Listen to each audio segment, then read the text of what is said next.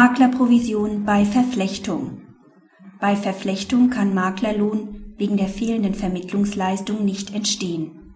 Dies kann aber dann anders zu beurteilen sein, wenn die Verflechtungsumstände bekannt sind.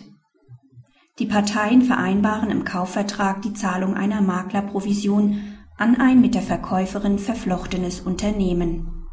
In einer Vertragsklausel wird dieser Umstand aufgedeckt. Nach Zahlung verlangt die Klägerin ihr Geld zurück. Vor dem BGH hat sie mit ihrem Begehren keinen Erfolg.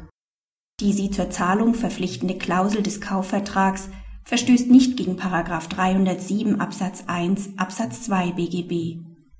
Denn auf die Provisionsansprüche an sich ausschließende Verflechtung der verschiedenen Unternehmen ist ausdrücklich hingewiesen worden. Auch, dass die Zahlung möglicherweise verdeckt den Kaufpreis ausgleichen soll, ist unschädlich. Ob daneben ein abstraktes Schuldanerkenntnis, was zulässig ist, ebenfalls die Zahlungspflicht auslöst, kann offen bleiben. Praxishinweis. Die zutreffende Entscheidung schafft für eine weitere Variante der Vertragsgestaltung zur Zahlung von Maklerprovision Klarheit.